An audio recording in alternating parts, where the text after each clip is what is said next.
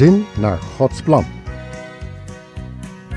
Met als thema verkering en erotiek.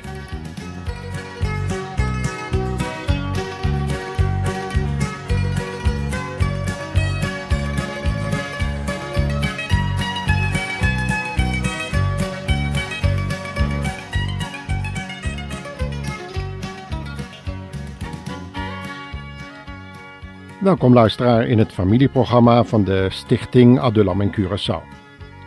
Zoals in ons vorige programma al is beloofd, bestarten we nu met een serie nieuwe programma's, maar dan ook met een heel nieuw onderwerp. In dit geval heet het dan verkering en erotiek. Maar het geheel van deze serie uitzendingen staat in het kader van seksualiteit en het christelijk geloof. Hoe gaan christenen met seksualiteit om? En met name natuurlijk onze jongelui. Dit thema-nummer voor deze uitzending heet dan ook Binnen het geheel Je lichaam is geen speelgoed. En het is een onderwerp wat in het gelijknamige boekje van John Rice behandeld wordt en dat nu omgezet is geworden in een serie radioprogramma's van 15 minuten. Het onderwerp van deze uitzending, verkering en erotiek, zal bij vele jongelui vragen kunnen oproepen. En eigenlijk willen we daar samen dan ook over nadenken. Velen zien de periode van verkering en de daarop volgende verloving als een achterhaalde en ouderwetse zaak, die in vroegere tijden met behulp van het zogenaamde boterbriefje in een huwelijk omgezet kon worden. Het valt dan ook niet mee om als een jonge christen tegen de stroom in te zwemmen en vrij te blijven van de modernistische invloeden van deze tijd. Heb je vandaag de krant al gelezen? De schunnigste bioscoopadvertenties komen op je af. Heb je de tv aangehad? Een avond waarop er geen bloot in de programma's is opgenomen, komt in veel landen al nauwelijks meer voor. Kom je wel eens langs een tijdschriftenkiosk? Van alle kanten lachen schaars geklede dames je toe. En uh, durf je nu nog te zeggen dat het je allemaal niets doet? Kom nou.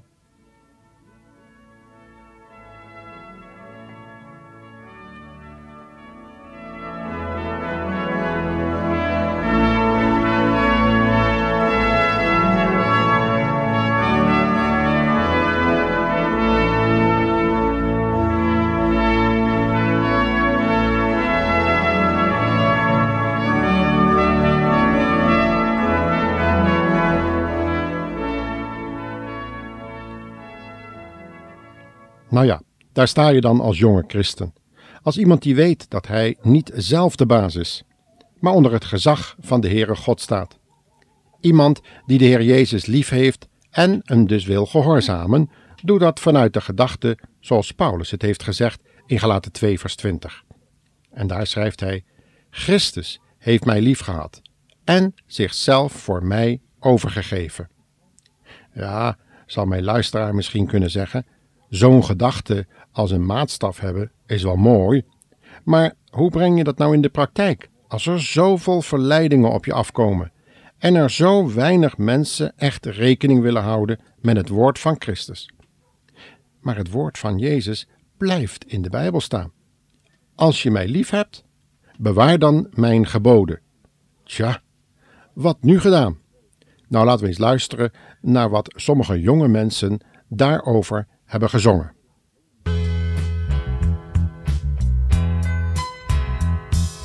Jezus gaf mij reden om te leven.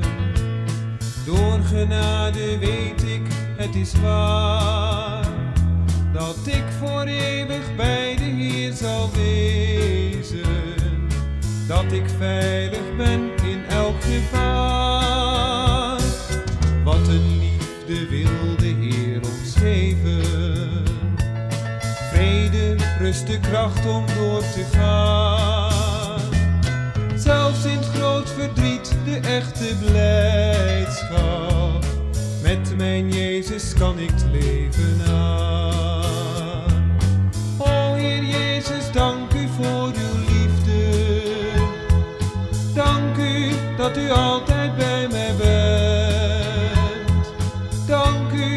Ik steeds op u kan bouwen. O dat u steeds dezelfde bent. Is het niet geweldig om te weten dat de Heer zoveel om je geeft? Als je Hem aanvaardt als Heer en als je redder, dan zul je zelf ervaren dat Hij leeft. Hij is niet dood gebleven. Na drie dagen is Hij opgestaan. En ik weet dat Hij terug zal komen. Ben jij bereid om dan voor Hem te staan?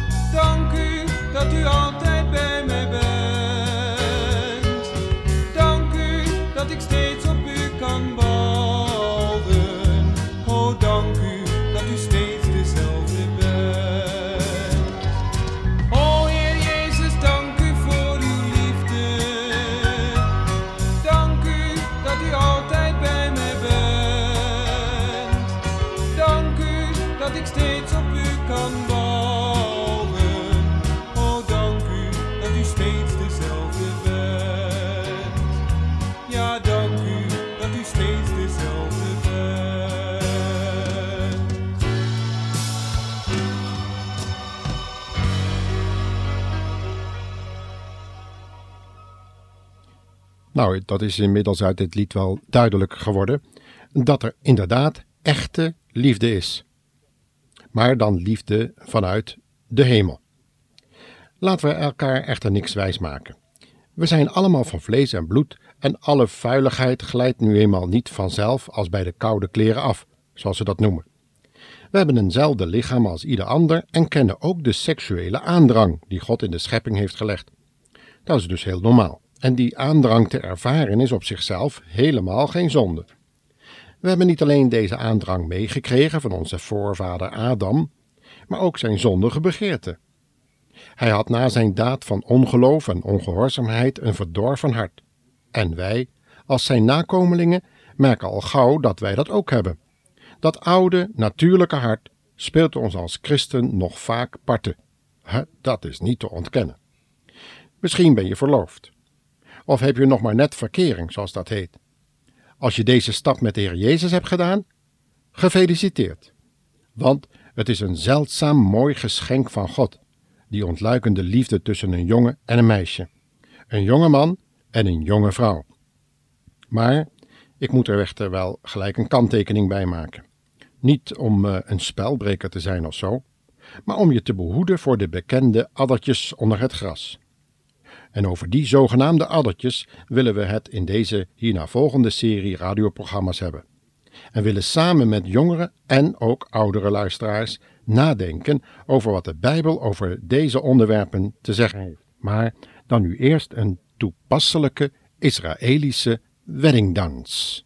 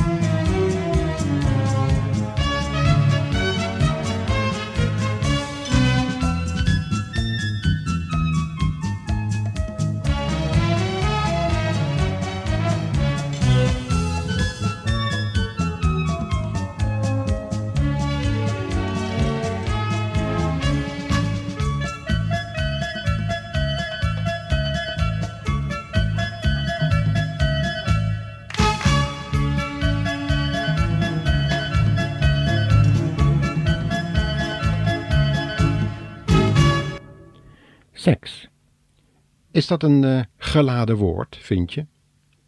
Hoe zou dat eigenlijk zo gekomen zijn? Hebben de mensen seksualiteit altijd als iets zondigs, iets vies gezien? Was het soms iets wat gezien werd als een noodzakelijk kwaad, wat nu eenmaal toegelaten moest worden om het menselijk geslacht in stand te houden? Maar waar je maar beter niet over moest praten? Of waar je beter maar de kinderen niet over moest voorlichten, met alle schadelijke gevolgen van dien. De Bijbel geeft gelukkig een heel andere lezing over seksualiteit. Luister maar eens wat er in Genesis 2, vers 23 tot 24 en ook in Efeze 5 staat geschreven over deze onderwerpen. Laten we beginnen bij Genesis 2. We lezen daar het volgende. Ja, dat is wat ik nodig had, riep Adam blij uit. Zij is echt een deel van mijn lichaam.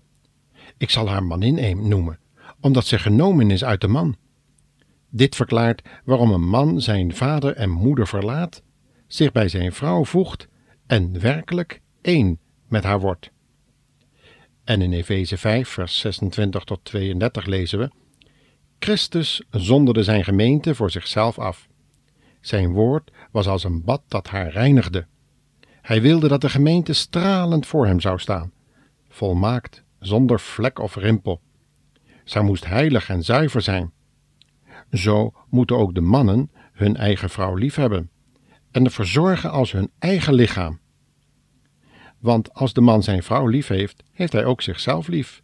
Geen mens haat toch zijn eigen lichaam, maar verzorgt en voedt het, zoals ook Christus zorgt voor de gemeente, zijn lichaam, waarvan wij deel uitmaken.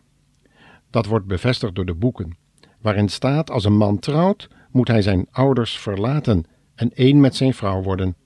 Dan zullen zij samen één mens zijn. Ik weet dat dit moeilijk te begrijpen is, maar ik zeg het om duidelijk te maken wat voor verhouding er tussen Christus en zijn gemeente bestaat. Laten we daar een lied over horen.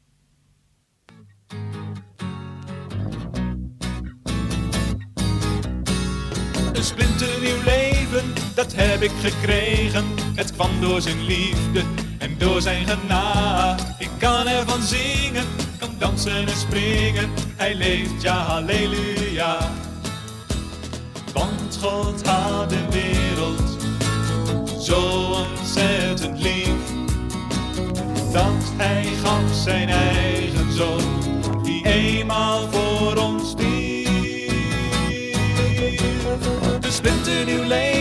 heb ik toen gekregen. Het kwam door zijn liefde en door zijn genade. Ik kan ervan zingen, kan dansen en springen. Hij leeft, ja, halleluja.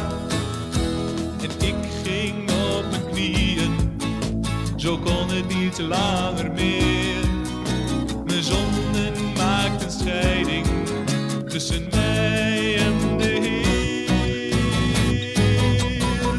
Een splinternieuw leven heb ik toen gekregen. Het kwam door zijn liefde en door zijn genade. Ik kan ervan zingen, kan dansen en springen. Hij leeft, ja, halleluja.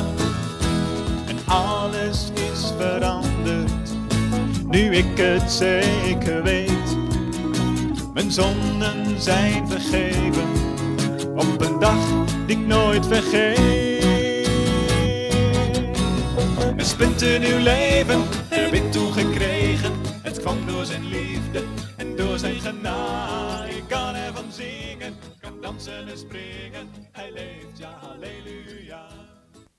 Zo, een splinternieuw leven, dat wil God jullie dus geven, jonge luisteraars. Maar we hadden het samen over het huwelijk.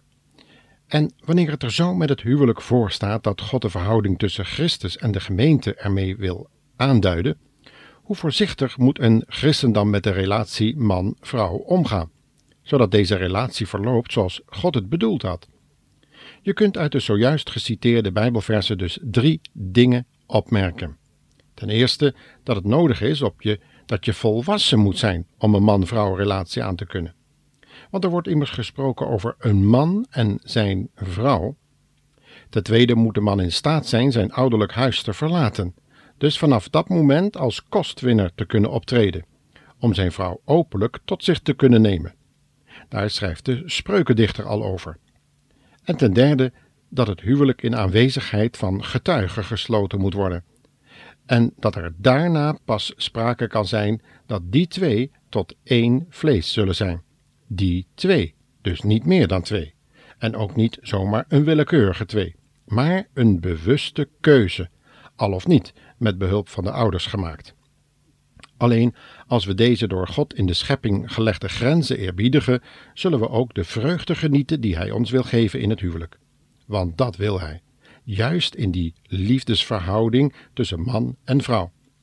Ons lichaam is bedoeld om als tempel van Gods Heilige Geest te functioneren en niet als een soort speeltje te gebruiken. Paulus schrijft erover in 1 Korinthe 6, vers 13 tot 20. Hij zegt: Weet u niet dat uw lichaam een tempel is van de Heilige Geest? U bent niet van uzelf. God heeft u tegen de allerhoogste prijs gekocht. Gebruik daarom toch ieder deel van uw lichaam om God de eer te geven.